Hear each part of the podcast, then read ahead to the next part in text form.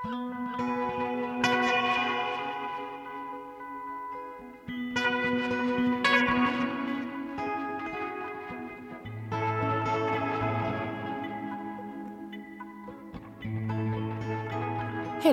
kæru hlustendur. Guðni Tómasson og Halla Harðardóttir hels ykkur hérna á hljóðstofu Víðsjár, þriðdægin 10. januar. Í þætti dagsins, Kvíta tíkristyrið og Fei Veldon. Breski rítumundurinn Fei Veldon lest í síðustu viku 91 ása aldrei. Hún kafaði í verkum sínum í samskipti kynjana og blæbriði kynjapolítíkur með beittan stíl og satírunað vonni. Veldon fjallaði oftar en ekki um konur sem að virtust óskup venjulegar, konur sem fættust inn í Karla veröld en ákváðu að gera hana að sinni. Veldon talaði með verkum sínum inn í kvennabáráttu 7. og 8. áratugurins er ein af röttum þess sem kallað hefur verið annarar bylgju feminismi og hafa bækurinnar stundum verið kallaðar sjálfsbjargar bækur fyrir konur en líka meistarverk og líka kellingabækur. Veldon var afkasta mikill höfundur sem hann skrifaði yfir 30 skáltsugur, auk smásapna sapna og verka fyrir útvarp og sjónvarp. En hún er sennilega þekktust fyrir tvö verk, Praxis og The Lives and Loves of a She-Devil eða Ævi og ástir Kvenn Djöfuls í þýðingu Elisur Bjarkar Þorstensdóttur frá 1985. Dagni Kristjánsdóttir þýtti Praxis og las upp hér í Ríkisútvarpinu 1981 og vakti sá lestur vægast sagt mikið umtal á sínum tíma. Það er Elisa Björg og Dagni verða gestir við sjár í dag.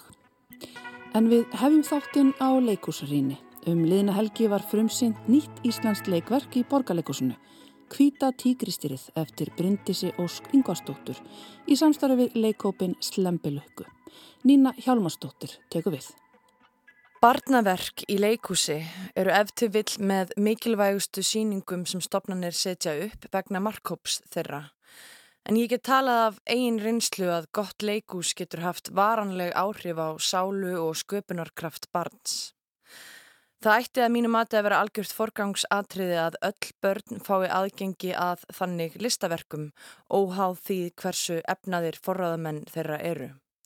Hins vegar er ekkert endilega gott að við sem eigum að heita fullorðin lítum svo á að barnanleikús sé ekki fyrir okkur en verk eins og kvíta tíkristýrið sem ég sá um síðastliðna helgi sanna að sumir performansar hugsaðir fyrir börn hafa ekki síst erindi við okkur sem eldri erum.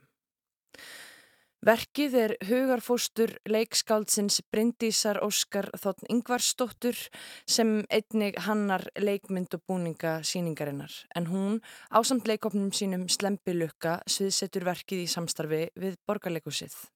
Leikstjórn er í höndum Guðmundar Felixsonar.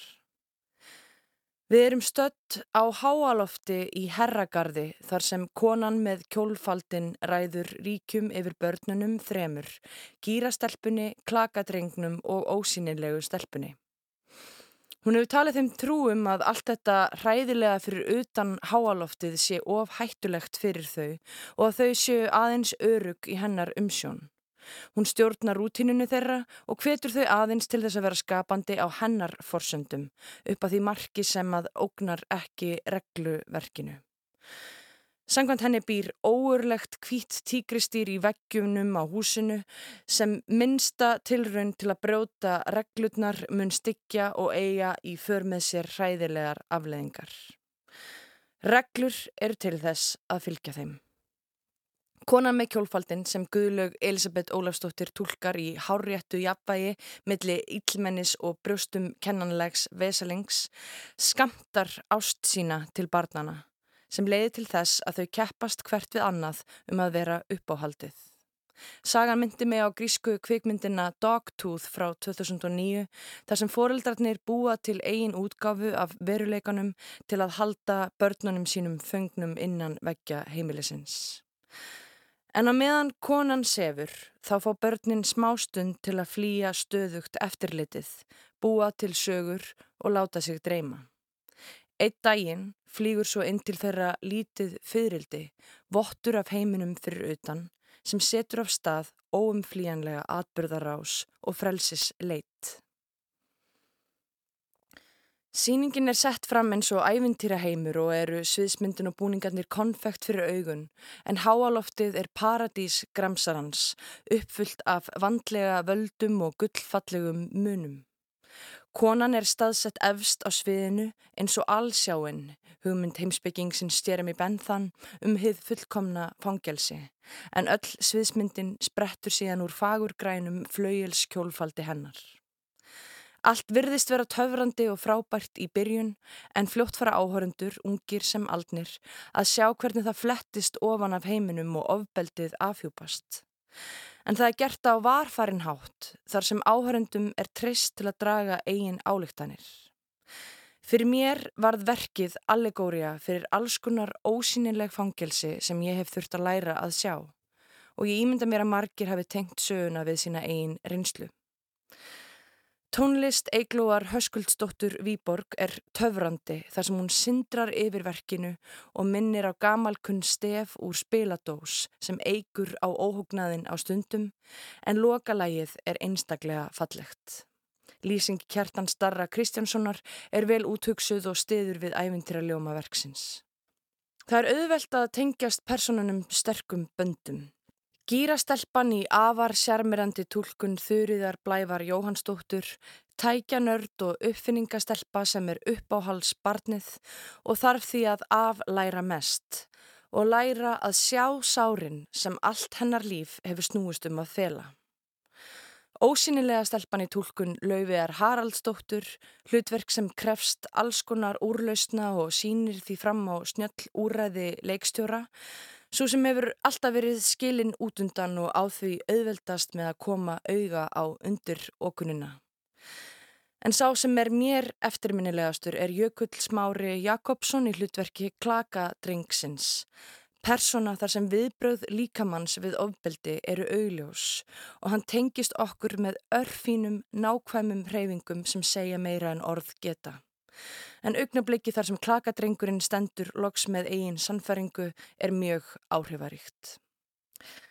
Það er ekki auðvelt verkefni að gera leiku sem kveikir á gaggrítni hugsun barna um leið og það er skemmtilegt og nær tengingu við innra barnið í þeim fullornu. En það er einmitt það sem hvita tíkristýrið gerir. Heimurinn er marglaga og djúpur, alls ekki fyrirsjánlegur og sínir á endanum að engum er óbjargandi. Að vondikallin getur líka fundið hugrekkið til að horfast í augu við eigin skrýmsli sem bara hann getur séð.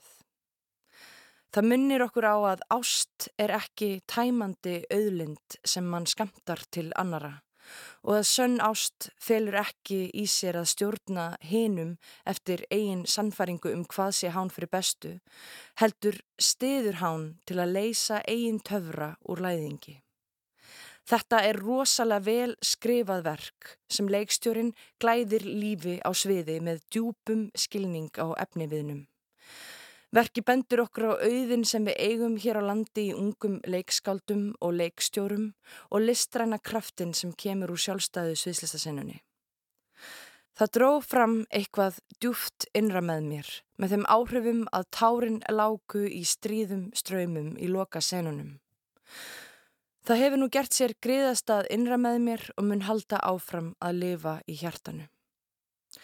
Hér er á ferðinni margslungið og dásamlegt verk sem list unnendur ættu ekki að láta framhjá sér fara á hvaða aldri sem þeir eru.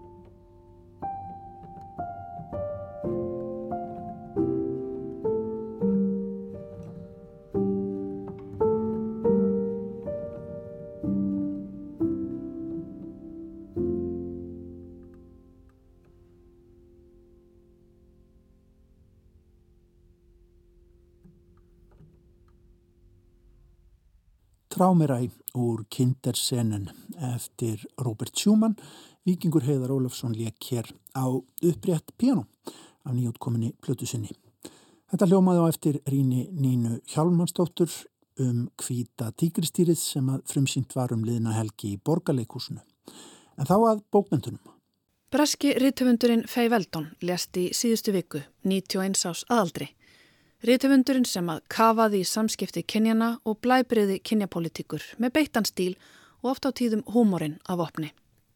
Veldon var afkastamikill höfundur en hún er sannilega þekktust fyrir tvö verk, Praxis og The Lives and Loves of a She-Devil eða Ævi og Ástir Kvendjöfuls, bók sem að varðað breskri vinsætli sjómaserju og Hollywood-kvikmynd með þeim Meryl Streep og Roseanne Barr í aðlutverkum.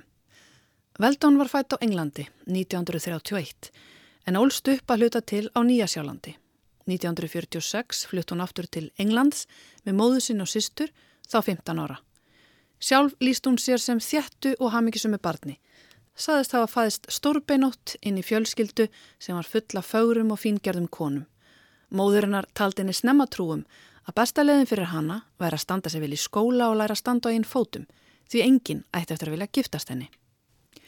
Veldón lærði sálfræði í háskóla en fann sig aldrei neitt sérstaklega í náminu. Hún giftist ung, átti barn og skildi, vann hinn ímsu störf þar til hún fekk starfa á auglýsingastofu og byrjaði að skrifa texta. 1963, þá 32 ára, byrjaði Veldón að skrifa skáldskap fyrir útvarp og sjónvarp og fjórum árum síðar kom hennar fyrsta skáldsaga út, The Fat Woman's Joke, eða brandari breyðvöksnu konunar í þýðingu steinunar Þorvaldstóttur frá 1989. Eftir það hætti Veldon ekki að skrifa og var ótrúlega afkastamikill höfundur, gaf út yfir 30 skáldsögur, auk smásagnasafna, auk þess að semja fjölda leikrita og sjómaserja. Hún gaf sér einni tíma til að giftast þrísasinnum og eignast fjóra sinni. Bækur Veldon fjalla margar hverjar um reynslu og hugarheim kvenna. Eða eins og hún saði sjálf, þá fjallar um venjulegar konur í yfirþyngd sem jafnan eru öllum ósýnilegar. Snemma á ferlinum lísti veldan því yfir að hún var í feministi, enda hvernig gæti hún annað eftir að hafa hort upp á hversu fátækifæri byggðist konum miða við Karla. Einni pyrraðana svo mýta að Karla rætti að vera fyrirvinnur heimilina og að konur rætti að vera sætar, halda kæfti og vera heima.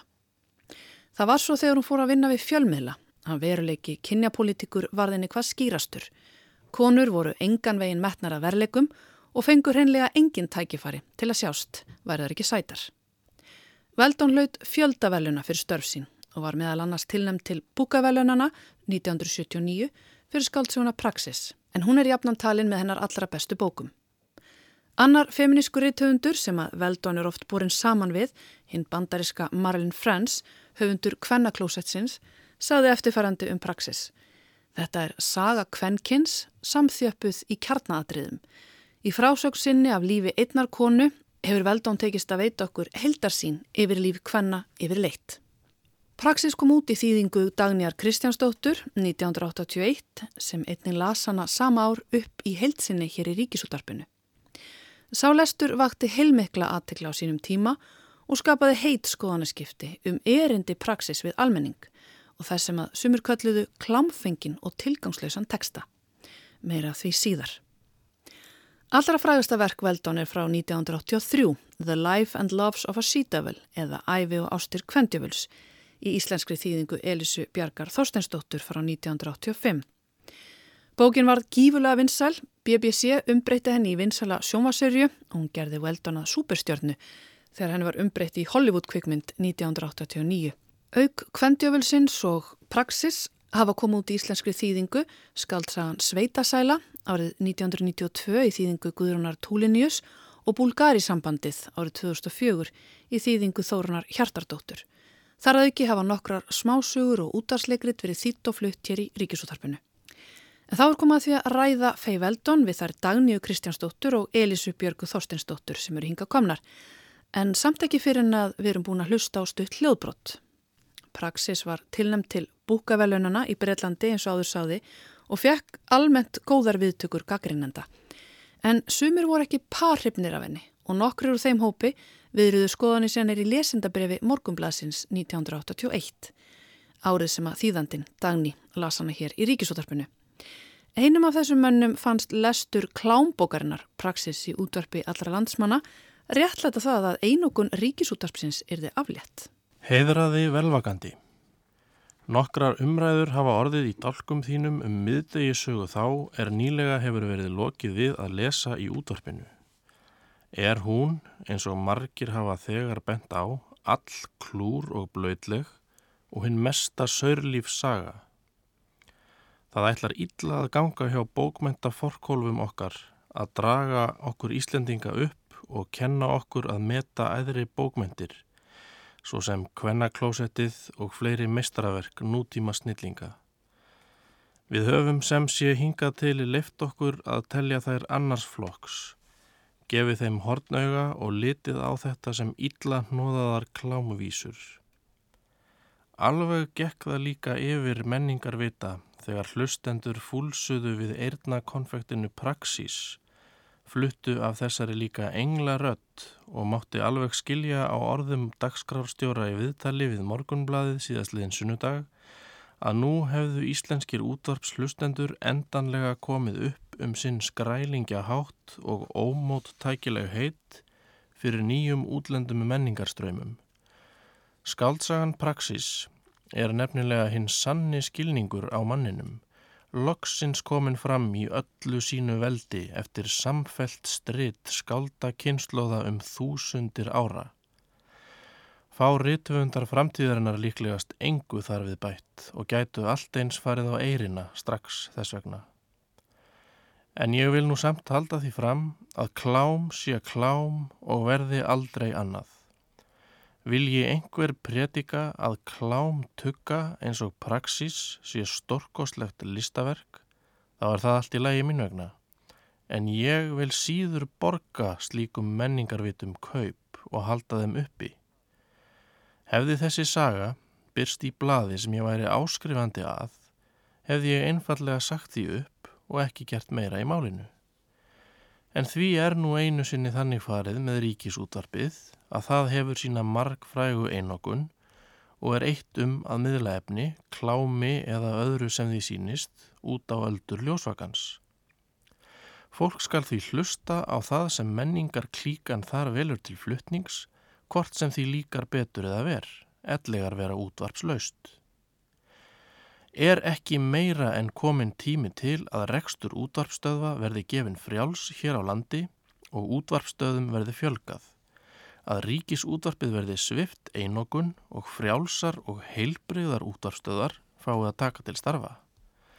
Þá gætu menningarvita ríkisútvarsins haldið áfram að láta lesa í það sóða sögur og gælt við ónáttúru sína óáreittir, en við sem viljum ekki slíka menningu getum hlustað á aðrar útafstöðar á annari bylgu. Góðir landar, látum ekki mata okkur á hverju sem er. Látum ekki sjálf skipaða menningar vita telli okkur trú um að ónáttúru sögur úr forar pittum hins stóra heims séu síkildi listaverk. Tökum okkur vald til að velja og hafna. Nekkjum einokun ríkisútvarpsins og klíkunar sem að því stendur útvarpsegandi. Hér heyrðu við viðbröð eins lustanda ríkisútvarpsins við lestri á Praxis eftir Fei Veldon. Þennan lestur á lesendabrefi velvaganda í morgumblæðinu frá því ágúst 1981 fann ég þættinum Úlvaldar og Mýflugur í umsjón Þordísar Gísladóttur og Þorgerðar E. Siguradóttur frá 2007. Og þær eru hingað komnar til mín, Dagný og Elisa Björg verið velkomnar. Takk fyrir. Það er ansi merkilegt að hlusta á þennan lestur úr lesendabrifi velvakanda og kannski ætti að segja að sé eitthvað gleðilegt við það að útdarsaga skuli vekja slíkar tilfinningar mm. eða hvað finnst ykkur, góður gestir? Jú, mér finnst það og mér fannst mjög merkilegt að eh, hlusta á þetta vegna þess að ég misti af stóra praxismálinu vegna þess að ég bjó Erlendis þegar þetta var mm. og ég bara hinnlega hafði ekki gert mig grein fyrir því hversu ofbóðslegt yllviðri stopnaðist út af þessu, mér finnst það stórmerkilegt mm og kannski samt ekki eins merkild eins og það ætti að vera vegna þess að það er ekki langt í þetta að sömleiti en þann dag í dag en þetta er óvenju heftarlega viðbröð verði að segja varst þú vörfið þetta dagni sjálf persónulega? Já, hvort ég var, Já. sko.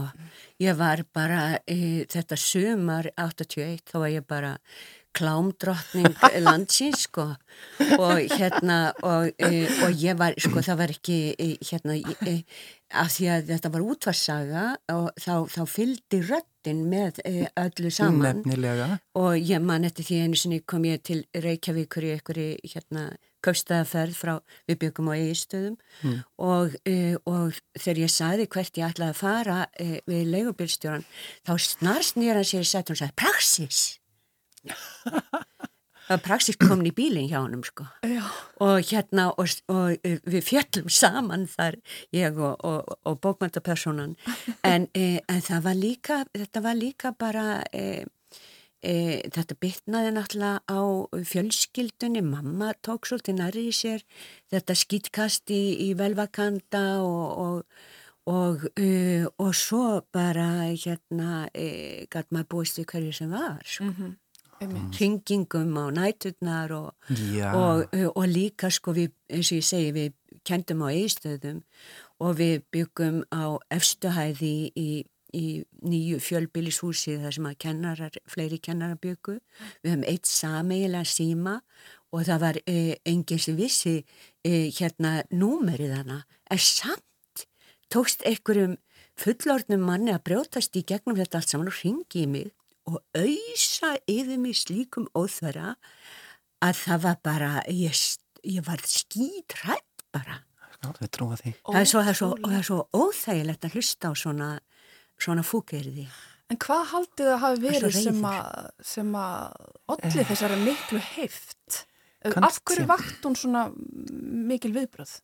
Kanski vegna þess að þetta var, ég veit ekki, í fyrsta skipti sem að fjalla var um þessi málopinbili og útvarpin náttúrulega á þeim tíma með fullri viðringu fyrir útvarpin í dag, það náði til bókstaflega allra mm. og það hlustuðu allir á útvarpið, sama hvað var. Þú komst ekkit undan hvort sem þú vildir eða vildir ekki, held ég, sko. Mm -hmm.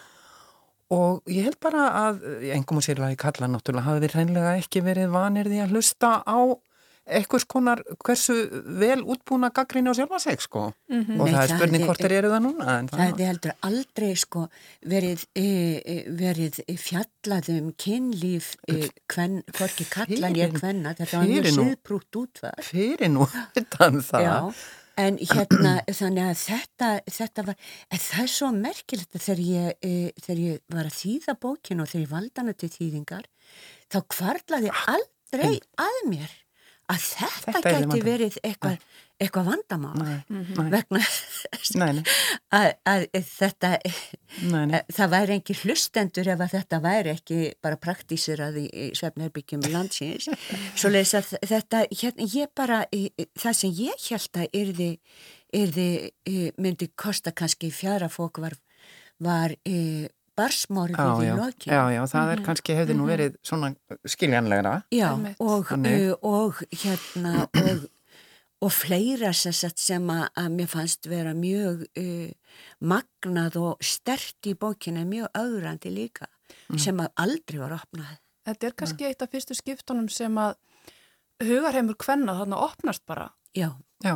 og hann hafði auðvitað bara verið falin og það er það sem hún gerir auðvitað í sínu höfundaverki Ég er nú bara rætt um það já. öllu meir og minna mm -hmm. lengi framann á allavega sko. Þannig rifjaði hans upp fyrir okkur uh, um hvað Praxis fjallar Praxis segir frá uh, frá tveimur uh, litlum sístrum uh, eða aðalega Praxis og uh, sístur hennar sem heitir Hypatia og þetta eru grísknöfn uh, Praxis þýði það að breyta kenningu í, að raungera kenningu, mm -hmm. að breyta, breyta kenningu í praxis og Hypatia var e, frægur heimsbyggingur mm -hmm. á sínu tíma, 350 fyrir Krist, nei eftir Krist og hérna e, og platonisti mm. svo að þetta er ekki, ekki smá nöpp sem sýsturna bera mm.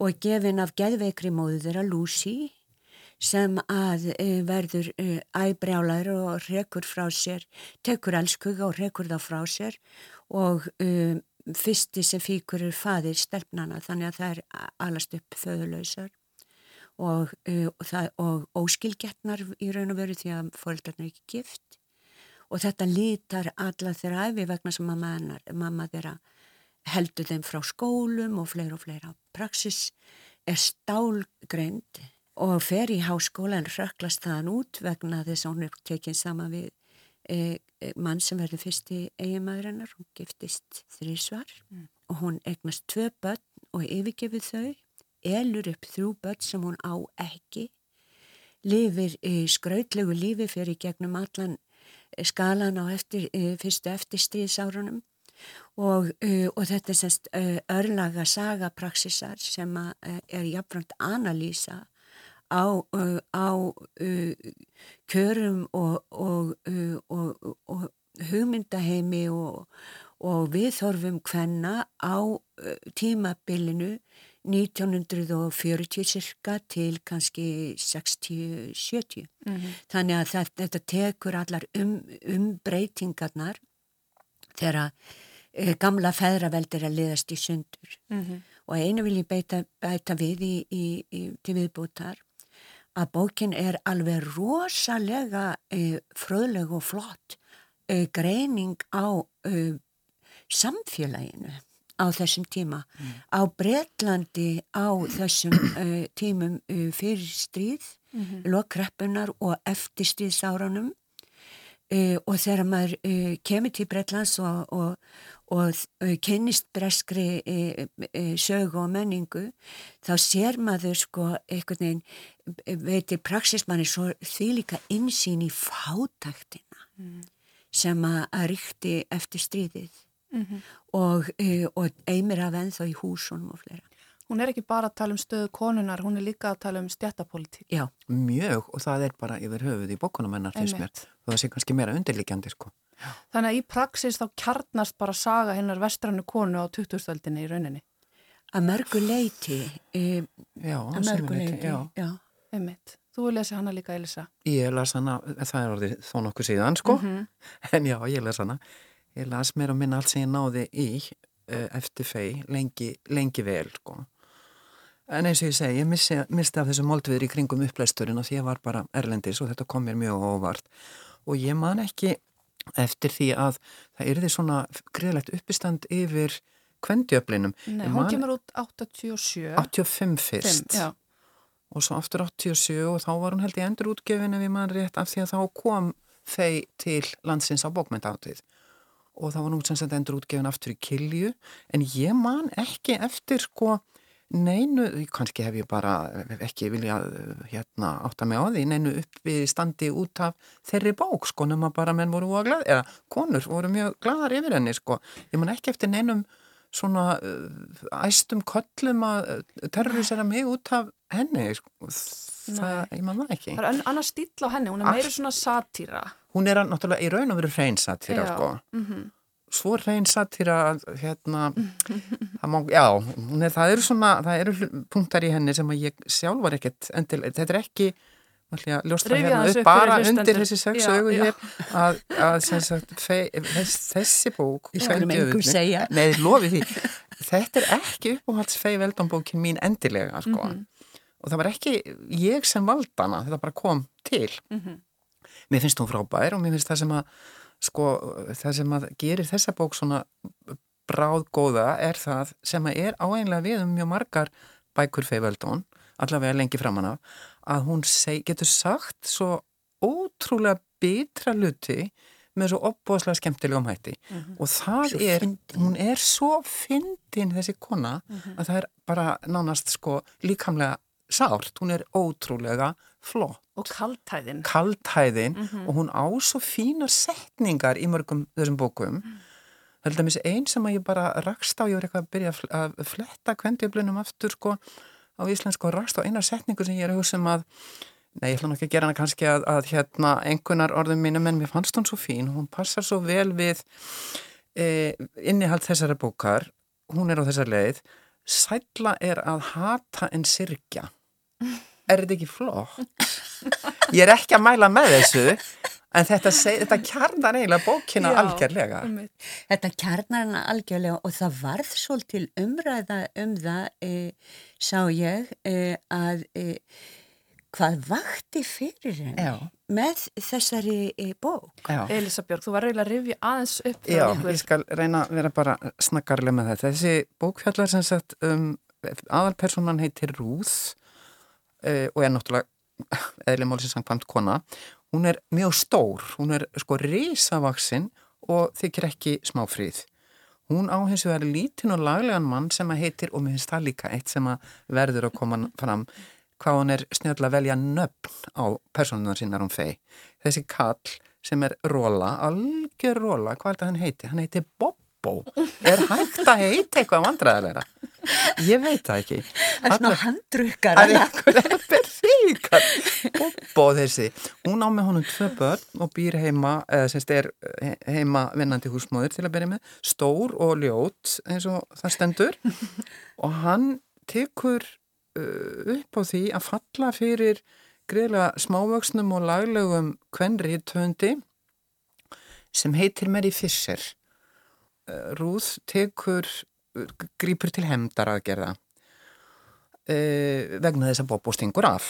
Og þessar hemdaraðgerðir eru mjög floknar og markvislegar og sumar þeirra gati ég persónlega þegar ég las bókinu og var að vinja henni ekki alveg fengið til að stemma við eh, sko feminisma, mér fannst hún ekki eh, beita aðfyrir sem að ég gæti skrifað undir en það er bara minn smekkur mm. og mín tólkun og ég vil ekki segja sagt, nánar frá því hverjar þær eru en mér fannst hún einhvern veginn svolítið eh, snúa upp á það hvernig hún hefði að því hún breytir útliti já, hún gerir það, já. hún aðlagar sig eh, já, já, nú erum við búin að já, þú verður að uppljóstra þessu já, já hún sem sagt fer í það gríðarlega ferli og þetta er pínu neyðarlegt þar að við erum alltaf að rekast á frásagnir af uh, færunaraðgerðum hinga á þánga mm -hmm.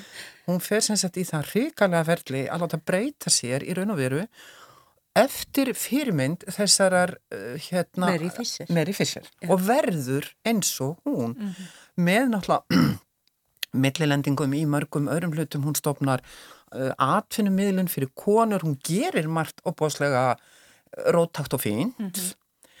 og uh, en hún fer líka að sumuleiti ekki vel með þá sem hjálpenni eða þær sem hjálpenni en það er aftur, ég var pínu uh, vonsvikin yfir minni konu Rúð sko, tekka fram að ég samsamaði, nú frekar henni samtæltur en Mary Fisher, hvernar sem var. En það var svona eitt og annað sem að mér fannst pínu einkennlegt En personur hennar eru heldur ekki alltaf alveg heila? Nei, aldils ekki sko. Nei, nei, það eru, eru margbreytilega eða eh, semst flóknar, Já. samsettar. Mjög. En, eh, en í þessari bók, kvendutjöflinum, þá, hérna, þá, þá hætt, hún hættir ekki fyrir en hún er búin að brjóta kerfisbundið niður Allt. líf og framtíða möguleika parsins þarna, og, og, og, og van, vansæla að lokum. Og, e, og það sem fólk spurði er hvað hvað er málið? Já, hvað er málið? Hérna, e, hún var ekkert mjög e, ánað með hennar mann. Nefna síður var þetta, var líka ömuleg tíma og hvernig, hvað er hvað er punkturinn með þessari hemm þessari rosalegu hemm Já, vegna þess að hún sko, hún lætur hún stoppar ekki við neitt. Nei.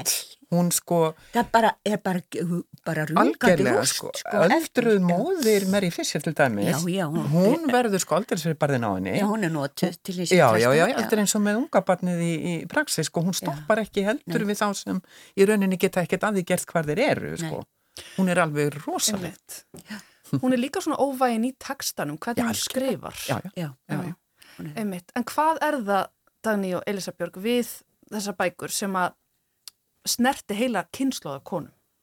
Það er bara þetta nýja held ég, það er bara að það sé sko opnað á umræðu um þessi mál. Mm. Vissulega voru, ykkur um góður, hún er ekki svo fyrsta, hún er ekki svo eina á mm -hmm. þessum tíma, hver á eftir annar er sko.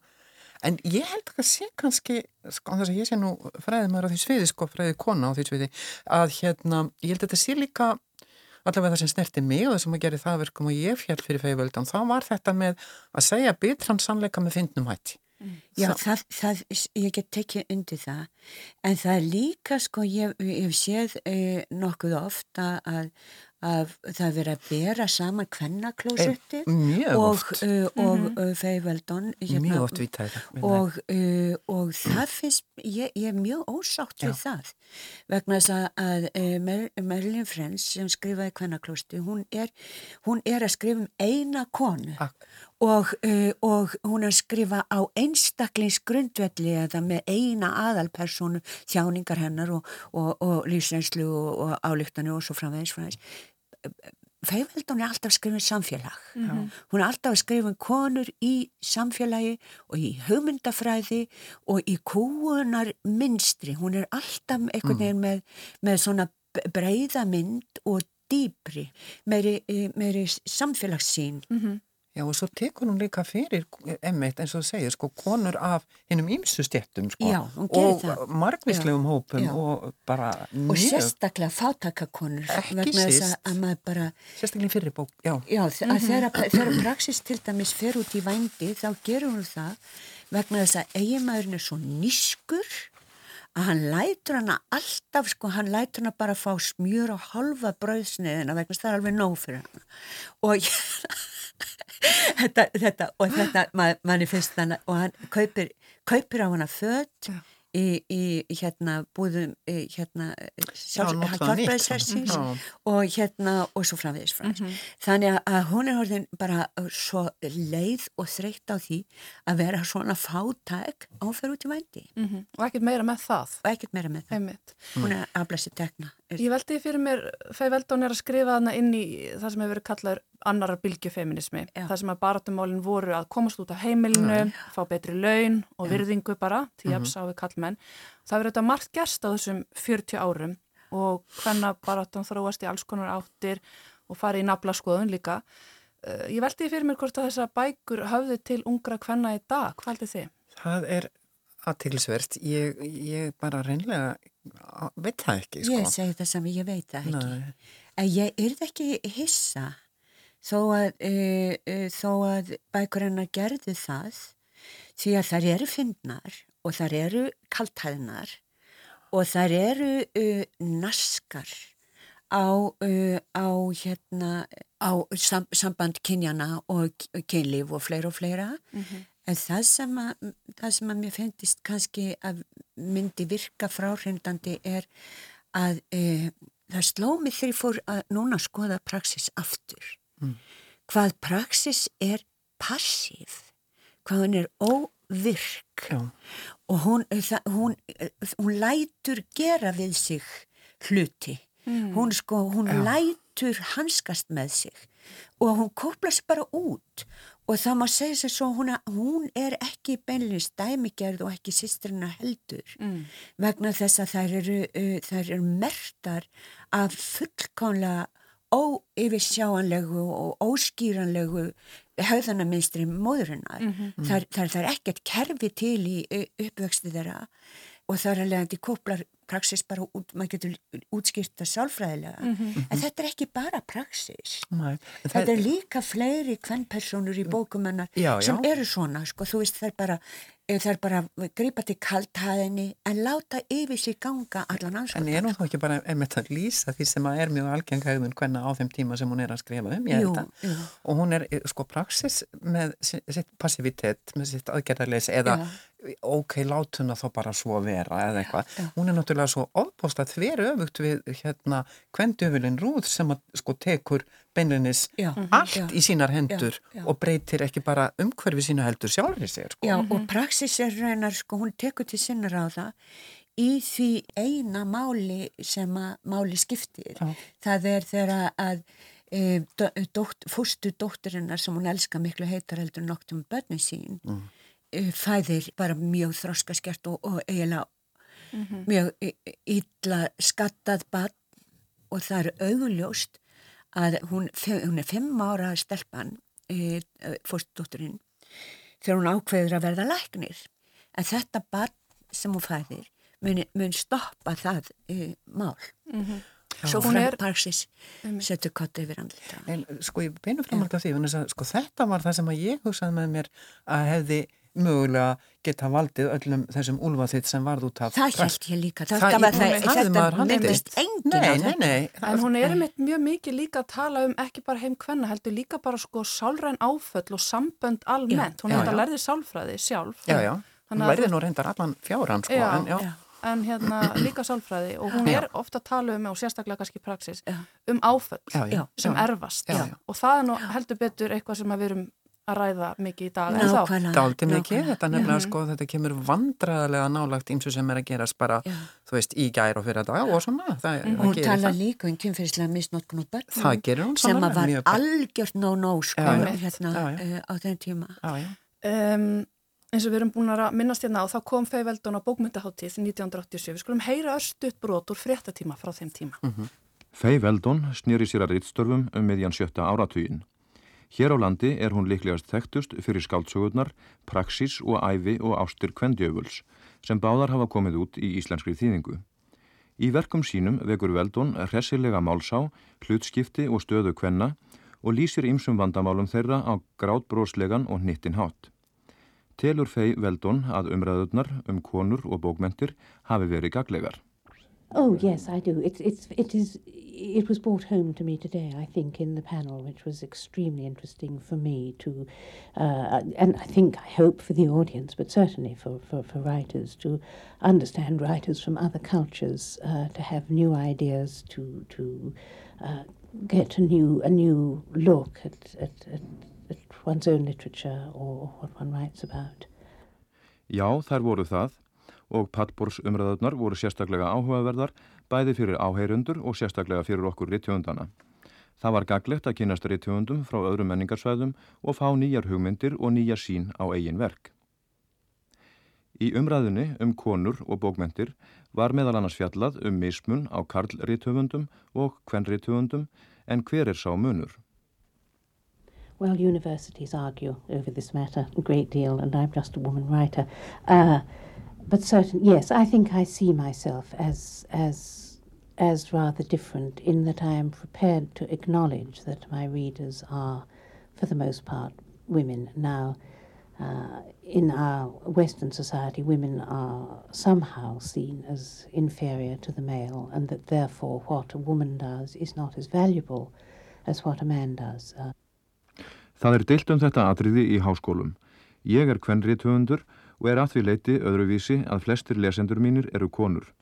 Í vestrænum þjóðfélögum er litið á konur að einhverju leiti sem óæðri karlmönnum og því eru verk konu ekki talin eins mikilsvirði og karlmanns.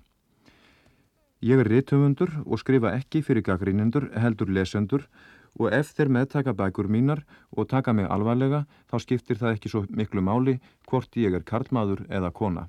Við erum hér fréttamannin Þorvald Fridriksson ræða við Feiveldon og hann kom þannig inn á heitt deiluefni þess tíma. Þá spurningu hvort að munur sé á kvenn og karlhöfundum. Þetta er sennilega spurning sem að enn er verið að klíma við í nútímanum, eh, ekki satt? Það Dani. held ég að við getum verið sammála um.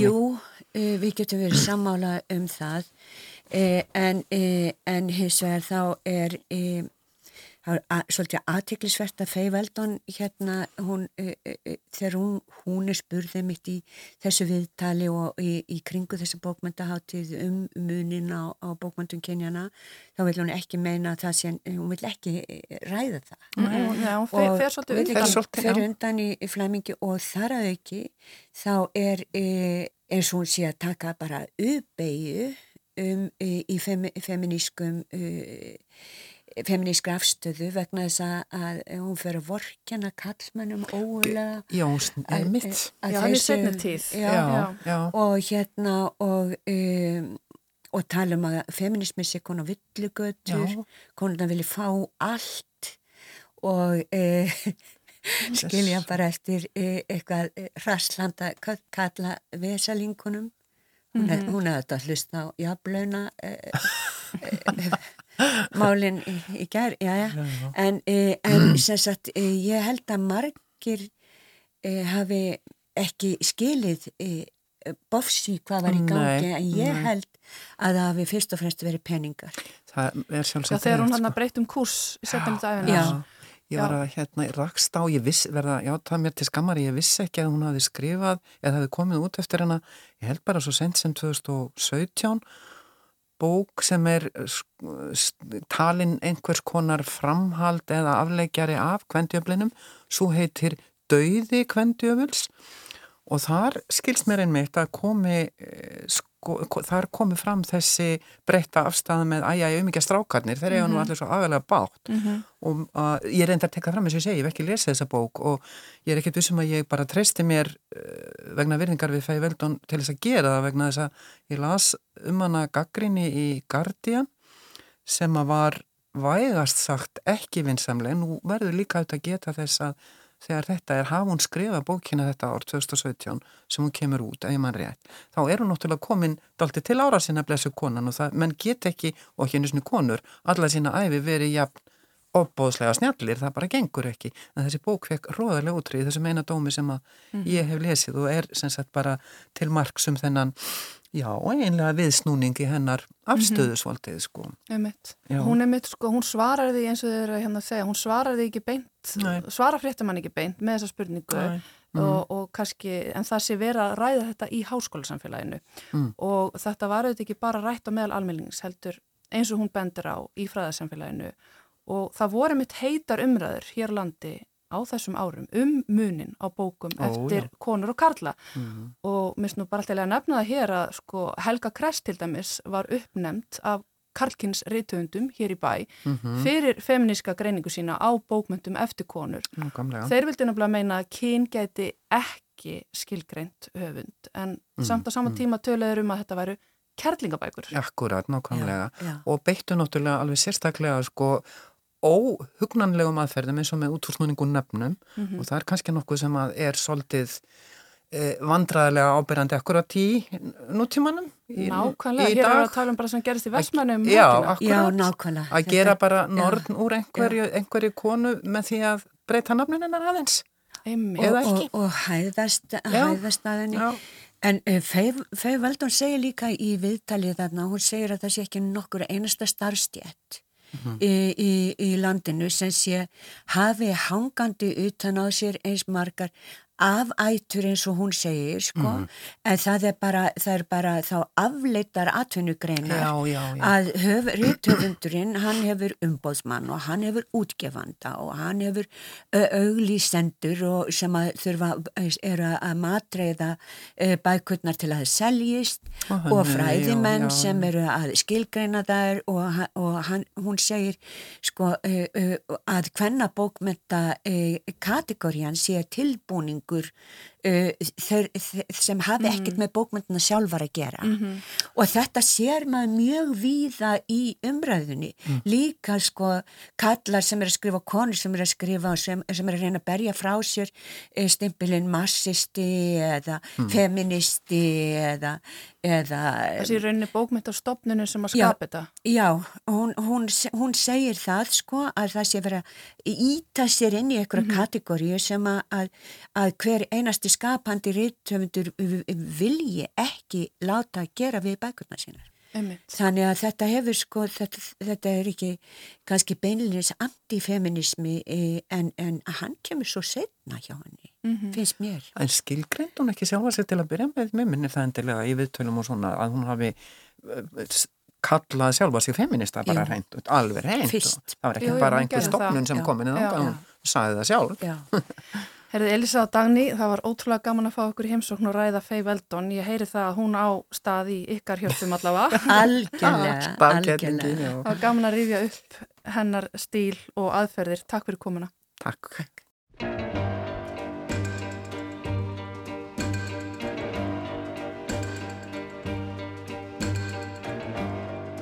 You don't own me I'm not just one of your toys. You don't own